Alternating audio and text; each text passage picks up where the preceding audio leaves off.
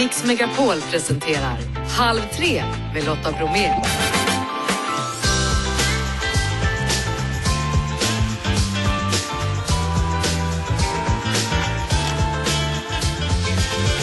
Hallå där och varmt välkomna in i Halv tre-studion. I dagens mix, hur får man egentligen ordning och reda? Susanne Rittedal Söderblom har koll. Smith Tell gör världssuccé, idag så gästar de Halv tre.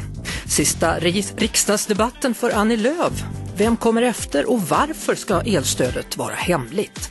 Öland är dagens landskap. Jag undrar vilken familj det blir som ska följa med oss till Mix Megapols fjällkalas. Och så pratar vi om stolpmössor. Jag vet, det är ett slags nyord. Vi ska förklara det så småningom. Och så pratar vi alldeles strax med Per Lernström om årets talangstart. Vi kör!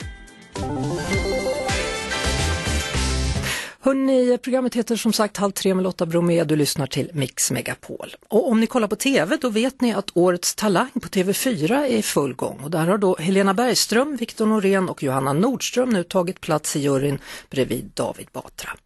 Eh, direkt ut eh, från promenaden, programledare Per Lernström, hallå där! Hallå! Ja, hej. hej! Hur har de skött sig tycker du, nya juryn?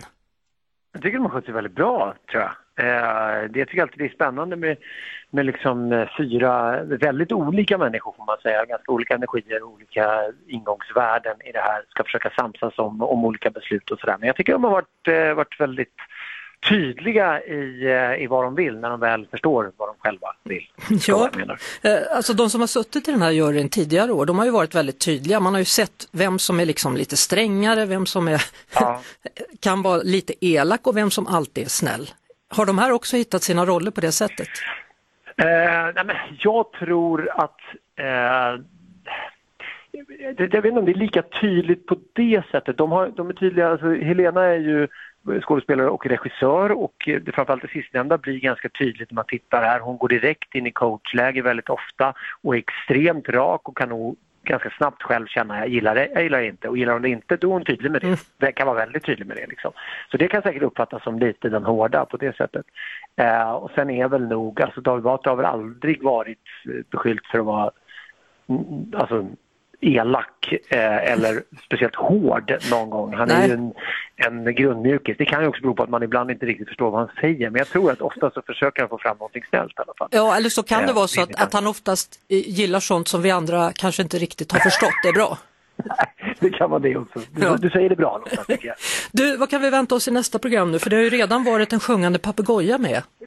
Ja, nej men jag tror att som alltid med Talang så blir det, när man inte tror det, eh, etter värre slash etter bättre. För att det, det, liksom, det stegrar sig alltid och eh, det kommer ju börja delas ut Golden Buzzers förr eller senare i det här programmet och jag tror att den där gåshudsfaktorn faktiskt bara kommer stiga ju längre vi kommer in i säsongen. Det är väl det som är lite fascinerande den här säsongen tycker jag. Att det, det, det är inte så att alla kanoner bränns av eh, i den första episoden eller i första programmet mm. utan det kommer att komma väldigt mycket som fick åtminstone mig att på plats känna väldigt mycket.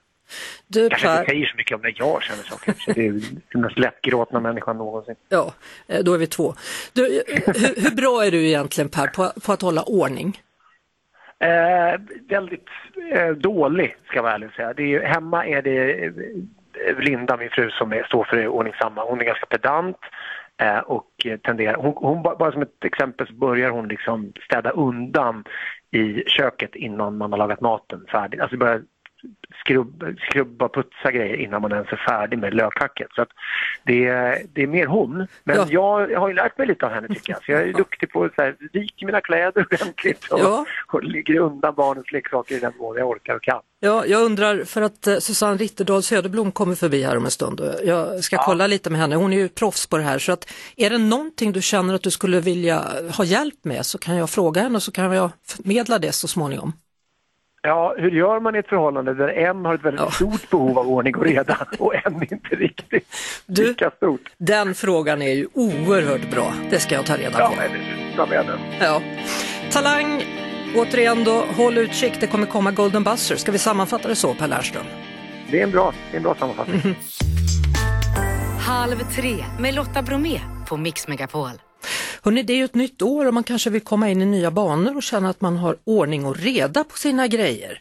Men om man nu har mycket saker så kan det ju lätt vara rörigt och det är lätt att man känner sig uppgiven och knappt vet hur man ska börja. Så därför då Susanne Rittedal Söderblom, ordningskonsult, välkommen! Tack så mycket! Ja, du hörde Per Lernström som vi talade med alldeles nyss. Yes. Eh, Och jag kan känna igen det där lite för Mm. jag är inte världens mest ordningsamma. Men vad gör man, som i hans fall och även mitt, Mm. när man är en stökig person och lever ihop med någon som har ordning? Ja, det är ju ofta ett, eh, grunden till mycket bråk, ska jag säga, i en familj.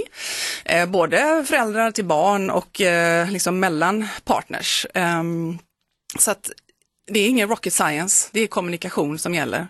Ja. Att ehm, prata igenom och bestämma sig vad, liksom, vad, vad är din nivå, vad kan jag tolerera och vad är inte okej liksom. Och sen när man har, bes- alltså har man bestämt sig för, det är ingen quick fix att få ordning. Det finns vissa knep man kan ta till såklart, men vill du att det här ska hålla över tid och bli bestående så krävs det en liten insats. Fokus på problemet och ehm, lösa det tillsammans. Ehm, när det finns en viss grundordning så är det lättare att liksom scanna av ytorna och liksom, även om, om du är den som vill ha ordning mest, då, då får du ta på dig den uppgiften och liksom ställa till rätta saker. Jag är inte det.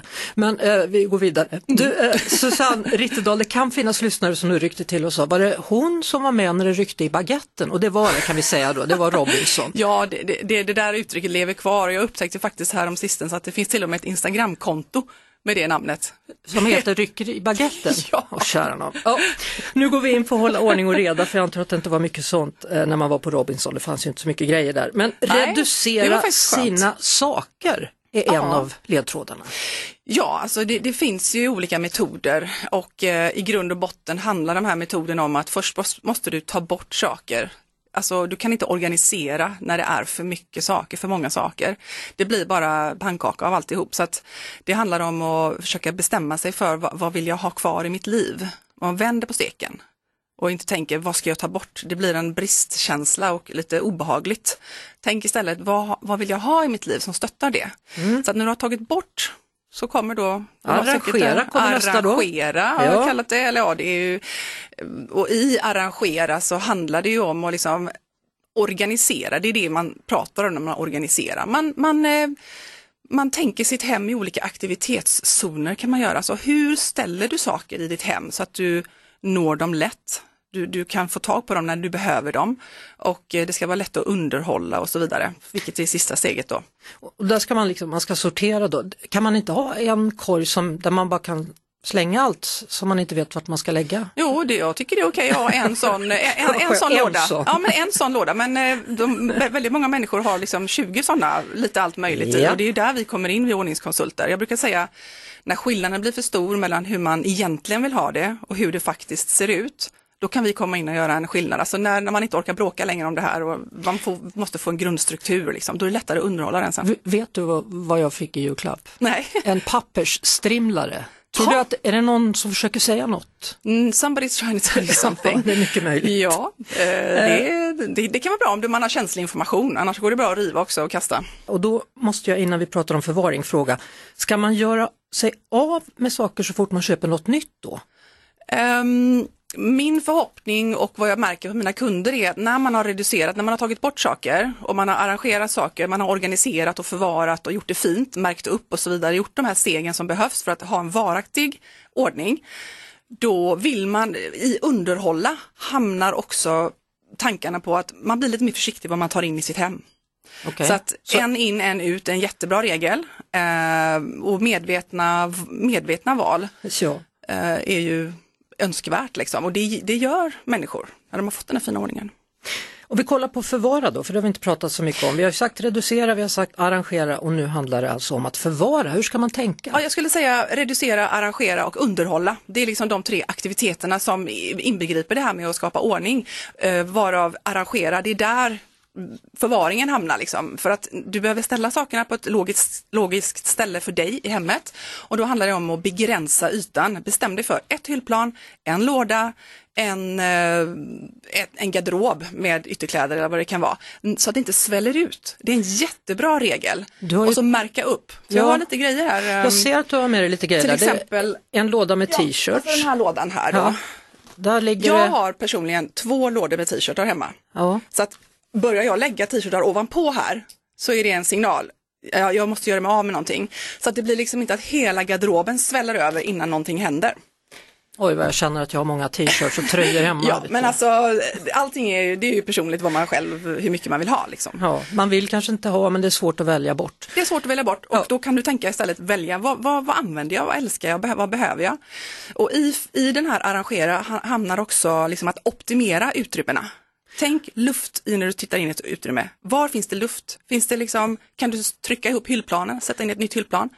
Eh, här har jag till exempel en vakuumförpackad kudde. Ja, det där är ju blir väldigt, smart. platt. alltså. Mm. Så det, det, det är här det själva organiserandet hamnar under liksom arrangera. Mm. Då kan man lägga ner dem i en ytterhölje så att det inte går sönder och så vidare så att det håller över tid. så det är Mm. Och väldigt sen viktigt. har du med dig en liten grej som snurrar runt som du Ja, det är en säger liten heter... snurrbricka, en Lazy Susan faktiskt. Eh, I kylskåpet till exempel finns det metall om man inte vill ha plast. Jag hade bara den här hemma just nu. Eh, finns det metall också, finns i trä. Eh, så att man kan liksom komma åt de här grejerna längst bak i kylskåpet till exempel, eller i badrumsskåpet.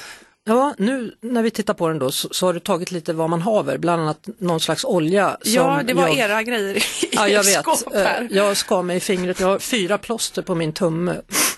Och så gjorde jag en pizza idag. Men i alla fall, här, en sån här, om man har en sån här i sitt kylskåp så kan man ställa, sa du då, olivburken, man kan ha den Ja, burken och så, och så snurrar man bara runt. så att, eh, så att man inte, de här grejerna som man aldrig äter upp, att de liksom blir enklare att komma åt. Ja. Så allting handlar om att eh, liksom vårda det du har och göra medvetna inköp för att liksom minska ner eh, konsumtionen, det blir liksom effekten. Mm. Och eh, jag måste bara säga, jag driver ett annat bolag ihop med tre andra tjejer, eller två andra tjejer, där vi faktiskt har pe- fått pengar från Vinnova, 300 000, för att undersöka de här eh, fenomenen, liksom personligt välmående, or- organisering leder till ett personligt välmående som leder till liksom minskad konsumtion. Så vi håller på att grotta ner oss lite i det, vilket är skitkul.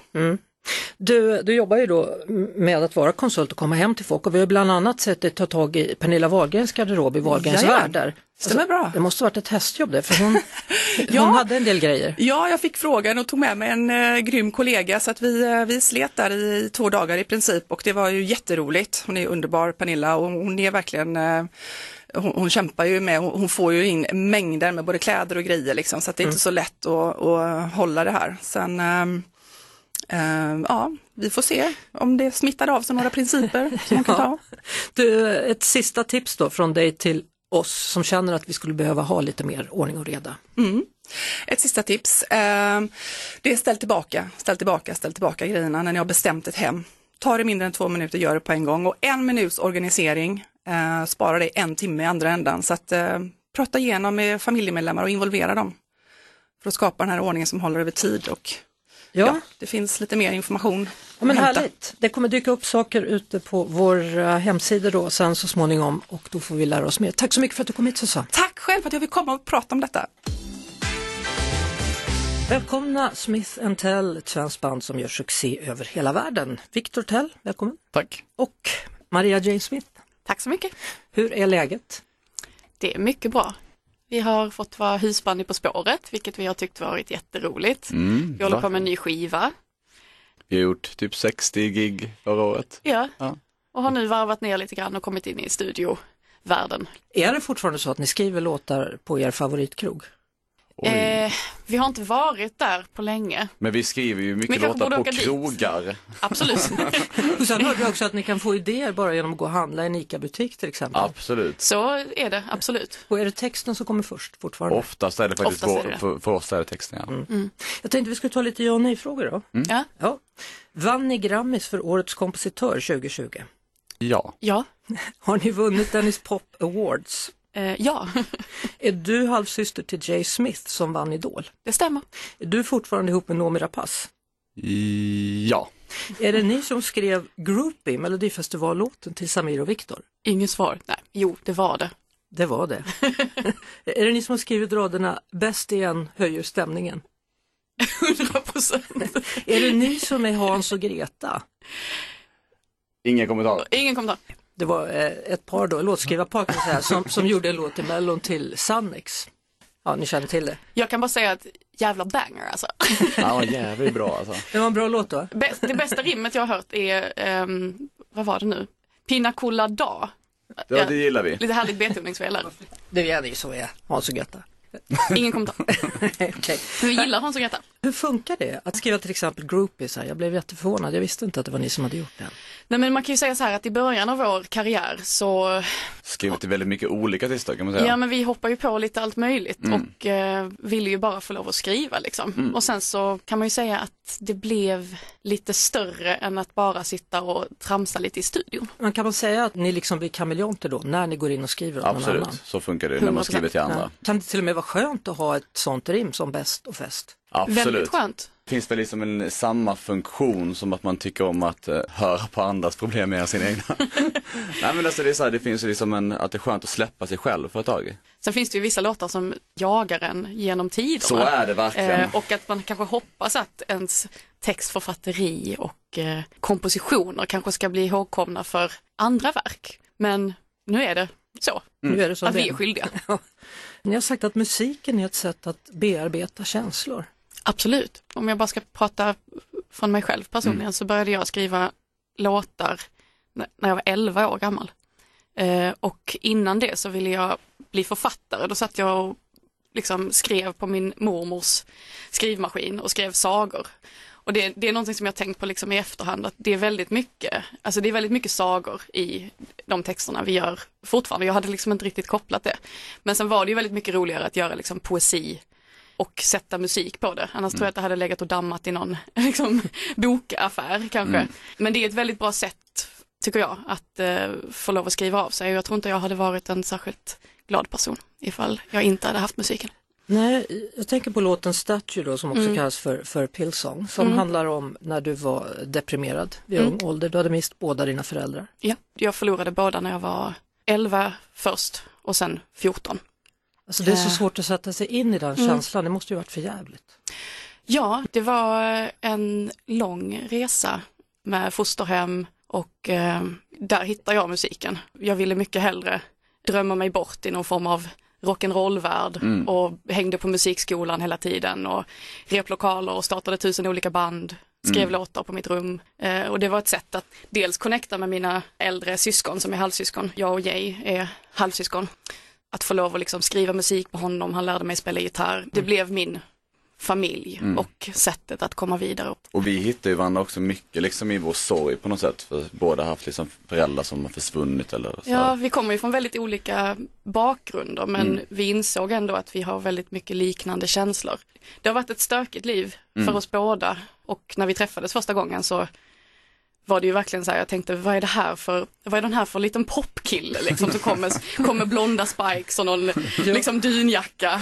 Och jag tänkte så här, ska du, ska du spela trummor i mitt band? Jag är liksom punk. Ja. Eh, Men sen så var det det absolut bästa som har hänt var att vi träffades i Helsingborg Mm. och Absolut. kunde starta vårt band. Mm. Du, du nämnde din pappa där då. Precis. Han försvann från familjen och så småningom blev han munk. Precis, så att han, han stack när han var två Mm. och sen så blev han munk och liksom brände upp allt han ägde och flyttade in i ett tempel i USA. Mm. Och bodde där i tio, tio år och vi träffades inte förrän jag var 20 tror jag första gången.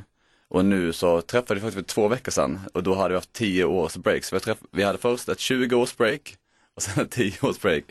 Och ehm, mm, han är en eh, mycket speciell man. Men är han fortfarande munk? Nej, alltså han, det är, man, man, han är väl liksom, det är själen på något sätt och liksom, Ja. Men inte liksom på pappa. Men vad var det för, var, var det hindu eller var han... Nej, Hare Krishna-munk faktiskt. Oj jäklar. Det är också någonting som vi har pratat lite om att mina föräldrar var ganska så eh, sökande kan man ju säga. Det var ena dagen så, så var det Hare Krishna som var hemma och hälsade på och nästa dag så gick vi liksom i Svenska kyrkan och eh, ja, det var, det var liksom alla möjliga typer av religioner och då tänker vi att det Vi tror att de känner varandra. Ja men det känns som att det Känner. finns inte så många Hare Krishna-folk i liksom nordvästra Skåne så att de borde ha liksom stött på varandra. Nej. Och det hade varit spännande att veta. Vi hörde Smith Tell och deras låt Statue. En låt som ju också kallas för The Pill Song. Jag tänker då på den här The Pill Song, den handlar ju då om att du proppades full med eh, massa medicin för att slippa känna för de ansåg att du var så deprimerad. Alltså den låten är ju en liten ironi också. Ja men den är lite ironisk mot det Mm. här med att man tror att det går att bota känslor med medicin. Alltså det är inte egentligen mot att jag säger att det är fel att ta tabletter Nej. för det behövs ju. Alltså jag Absolut. har ju haft perioder där jag behövt ta tabletter i mitt liv. Mm, jag har också haft Men det menar- efter den här låten Men skrivit. det är ju liksom, jag- det är ju liksom en slags analys av att det är en sjuk värld vi lever i där vi inte kan ta hand om känslor på ett sätt där vi kan ta, använda i terapi. Och, det finns ju kanske någonting som borde dras i, eller så, så upplevde jag det när jag var så ung. Jag hade nog behövt liksom någon att prata med på ett annat sätt innan jag blev erbjuden att så här, här har du någonting som dämpar det du känner. Jag behövde ju sörja mina föräldrar, jag behövde få lov att vara tonåring och leva ut. Sen när ni träffas då, då blir det en kärlekshistoria så småningom. Ja, Och ändå klarar ni av att jobba ihop nu efter att det har tagit slut. Vi brukar väl säga lite som att min och Marias kärlek grundades någonstans i en väldigt stark vänskap och en musikalisk kärlek från början. Och Sen så hände en massa grejer efter det också som också var romantik. Men sen så hade vi någonting att falla tillbaka på när vi sen valde att inte vara tillsammans längre. Och vi älskar, jag älskar dig och eh, du är min familj liksom. Nej, men det är ju komplicerat det där och det är ju inte alla som lyckas hålla ihop det med sina ex. Liksom. Men jag tror att vi hade en så stark känsla av att ifall vi inte, det var ju liksom ett år som var riktigt jobbigt. Men jag tror att vi båda visste att så här, rider vi inte ut det här nu och ser till att lösa så att vi kan vara vänner så kommer vi liksom inte bara vara ledsna i ett år. Vi kommer vara liksom ledsna resten av våra liv. För att den känslan som vi har när vi skriver med varandra, den är väldigt svår att hitta med någon annan. Och det är också kärlek att skriva musik. Jag tror att du sa någonstans att det handlar om ett, nästan som att ni har ett gemensamt barn som ni har vårdnaden om. Precis, det blir det ju på något konstigt sätt. Vårt barn är ju Smith Tell, det är den, vår skapelse på något sätt. Ja, Men så, så är det ju, till 100 procent. Eh, Men, men nu då, när man mår bättre, är det lika lätt att skriva musik då?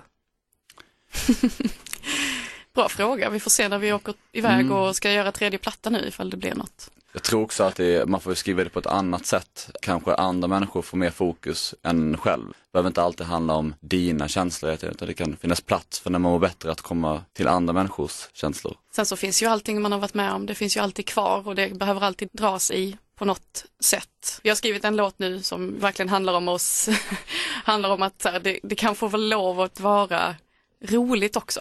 Alltså jag har längtat efter, och har, du har ju sagt det också, att vi har längtat så mycket efter bara få lov att leva och inte tänka så mycket. Man är så trött på liksom att det snurrar i, i huvudet. Och det är det som känns när vi liksom står live och spelar en sån låt. Att bara så här, nu släpper vi liksom för en stund. Ni har ju slagit i många delar av världen. Är det fortfarande overkligt? Ja, det är superkonstigt. Det kommer väl alltid vara konstigt, det är väl hela idén. Man är en dopaminjägare. det är fint, jag gillar det. Nej, vi försöker ju väl ha separation mellan artistdelen och privatlivet men samtidigt på något sätt bli samma människa men ändå inte för mycket. Sen så tror jag att eh, det våra kanske fans känner, det är att vi är väldigt mycket oss själva på scenen. Jag känner inte att det är så stor skillnad mellan mig på scen eller mig privat. Det är bara lite mer utlevande person som vågar slänga micken i luften och inte typ är rädd för någonting. Det är ju en del av en själv också. Mm. Men framförallt texterna känns ju att de är på riktigt. Mm, det är våra liv, det är våra dagböcker som vi öppet låter folk läsa. Halv tre med Lotta Bromé på Mix Megapol. Hörrni, i förmiddags så fick jag just eh, höra talas om någonting som heter stolpmössor och jag blev genast så här, stolpmössa, vad är det? Ja, det får du se, sa min producent Jeff. Eh, Så därför säger jag hallå Tina Ahlberg som gör stolpmössor, välkommen! Ja, tackar, tackar. Förklara för mig då, vad är en stolpmössa? Ja, en stolpmössa kan vara en liten metallbit som man sätter ovanpå trästolpar om man gör ett staket för en villaträdgård eller sådär. Men i mitt fall, eller ska jag säga, så, så är en stolpmössa en eh, textil, eh, för min del huvudsakligen virkat eller stickat, färgglad eh, mössa kan man väl säga som sätter på granit eller diabasstolpar här i lilla Lönsboda Ja, för att de ska synas bättre. händer det att folk kör på de där stolparna eller? Ja, det har hänt ganska ofta men sen jag började för ett par år sedan att sätta på stolpmössor så har det minskat radikalt. Ja, de är väldigt färgglada de här stolpmössorna och söta på något sätt. Ja, jo, nej, men tanken är ju, jag menar, tanken är att framförallt man ska, stolparna ska synas men också att de förhoppningsvis ja, pigga upp folk lite grann. Det är lite my, här händer inte så mycket.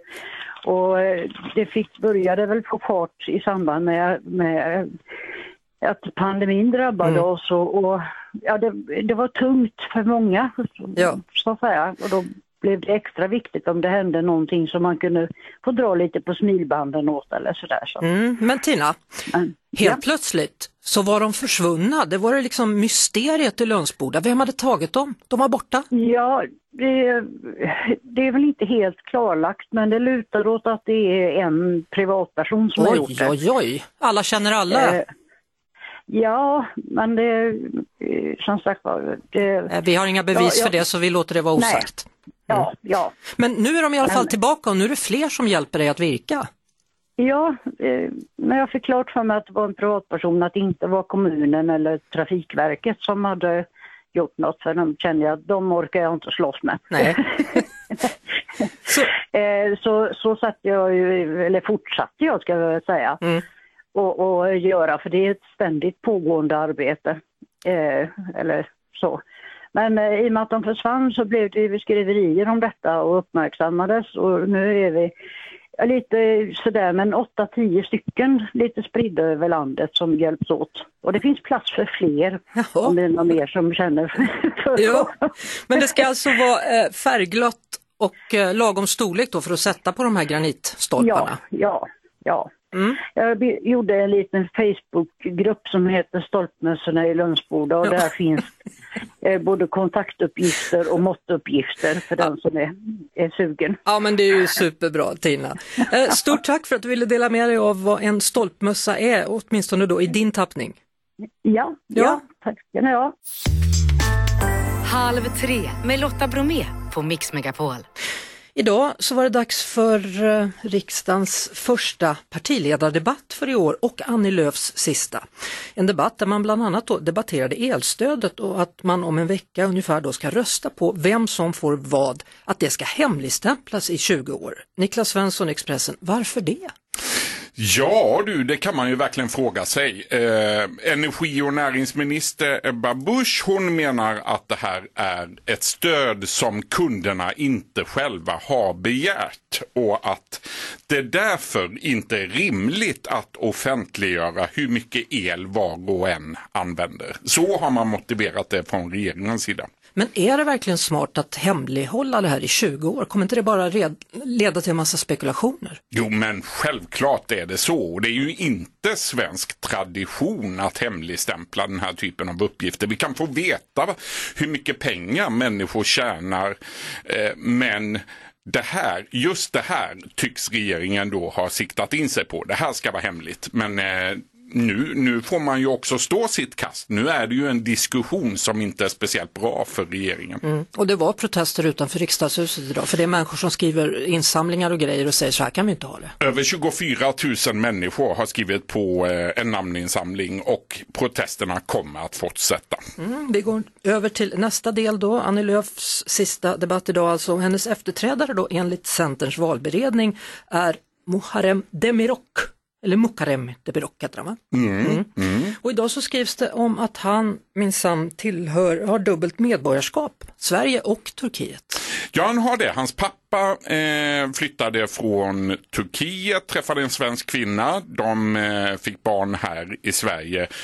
Och han fick turkiskt medborgarskap. Familjen kommer ifrån det som kallas för svenskstaden Kulu i eh, Turkiet. För mig är det helt obegripligt att han inte avsagt sig det här turkiska medborgarskapet innan han gick in i en partiledarprocess. Nu blir han ju återigen ifrågasatt. Ja, för då är det folk som säger att då kanske det kommer krav från Erdogan eller andra i Turkiet om att han ska göra på ett visst sätt. Ja, man ska komma ihåg också att i Turkiet är det alltså olagligt att prata skit om presidenten. Så att om han kritiserar Erdogan då kan han eh, eh, ställas inför rätta i Turkiet som turkisk medborgare. Och dessutom då i Agenda i söndags så frågades han ut om sina tidigare misshandelsdomar och svarade med 100% säkerhet att han bara har misshandlat eller utövat våld vid två tillfällen, 100% säker, allt Aldrig annars har han gjort detta och det här diskuteras nu för fullt. Ja, det är klart att det gör och det här tror jag kommer att förfölja honom under hela hans partiledartid. Eh, det är ju två misshandelsfall, precis som du säger. Det ena inträffade när han gick i gymnasiet, men det andra, fem år senare, då var han på högskola och det hände i samband med en studentfest. Mm. Slutligen då, jag har nämnt det och vi pratar lite mer om det, det är Annie Lööfs sista partiledardebatt och 16 år har hon suttit i riksdagen, 11 år har hon varit partiledare. Vad blir hennes eftermäle? Hon kommer att minnas för sitt avståndstagande till Sverigedemokraterna. Eh, hon kommer att minnas för att hon lämnade alliansen och närmade sig Socialdemokraterna trots att hon hade lovat att äta upp sin sko om det skulle hända. Eh, det är väl de sakerna eh, som kommer att stå i hennes eftermäle tror jag. Mm, vad kommer du sakna? Jag kommer att sakna hennes och Jimmy Åkessons debatter. Jag tyckte att eh, Annie Lööf var en lätt partiledare att intervjua och en lätt person att få kontakt med. En tillgänglig partiledare. Jag hoppas att eh, vi får fler tillgängliga partiledare. Säger alltså Niklas Svensson då från Expressen. Och idag då så tackades hon av. Hon fick korvgrillning bland annat då från Magdalena Andersson. Hon ska titta på fotboll ihop med Jimmy Åkesson och så ska hon få en pizza gjord av Johan Persson. Ebba Busch blev tårögd. Hon gav eh, pengar till Min stora dag och dessutom en middag för två. Hon blev tårögd när hon skulle tacka Annie Lööf. Jag tror mig veta ganska mycket om de starka övertygelser som du har som burit dig hit men också en del om det du fått bära ehm, och andra runt dig fått bära. Så makthavare till makthavare, förtroendevald till förtroendevald, kvinna till kvinna, men kanske framförallt mamma till mamma, så hoppas jag innerligt från en särskild plats i mitt hjärta att du när dammet har lagt sig ska känna det var värt det. Vi gjorde vägen lite bredare för våra döttrar. Det är värt det och det var värt det. Eh, det har varit en fantastisk resa som jag känner en enorm tacksamhet och stolthet över att få göra.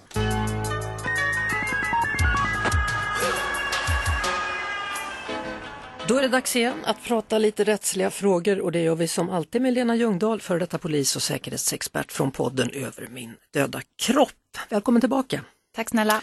Hörru du, vi blickar tillbaka till 2022. Om jag säger så här, ett dystert år för skjutningar, vad säger du? Ja, det är fruktansvärt. Om vi pratar exakt vad det är, det är ju människor som har skjutits ihjäl. Vi kan konstatera att 61 personer har under 2022 avlidit i samband med skjutningar och det är ju fruktansvärt och en allvarlig utveckling, för det är en ökning. On top of that 90 stycken sprängningar som också är kopplade och sitter ihop med de här skjutningarna och grov brottslighet. En sak som jag kan säga som jag reagerar på, när jag började som polis, vi pratar 22 år sedan, eh, då var det också skjutningar i de här gängen, men då satt skotten i benen eller varningsskott.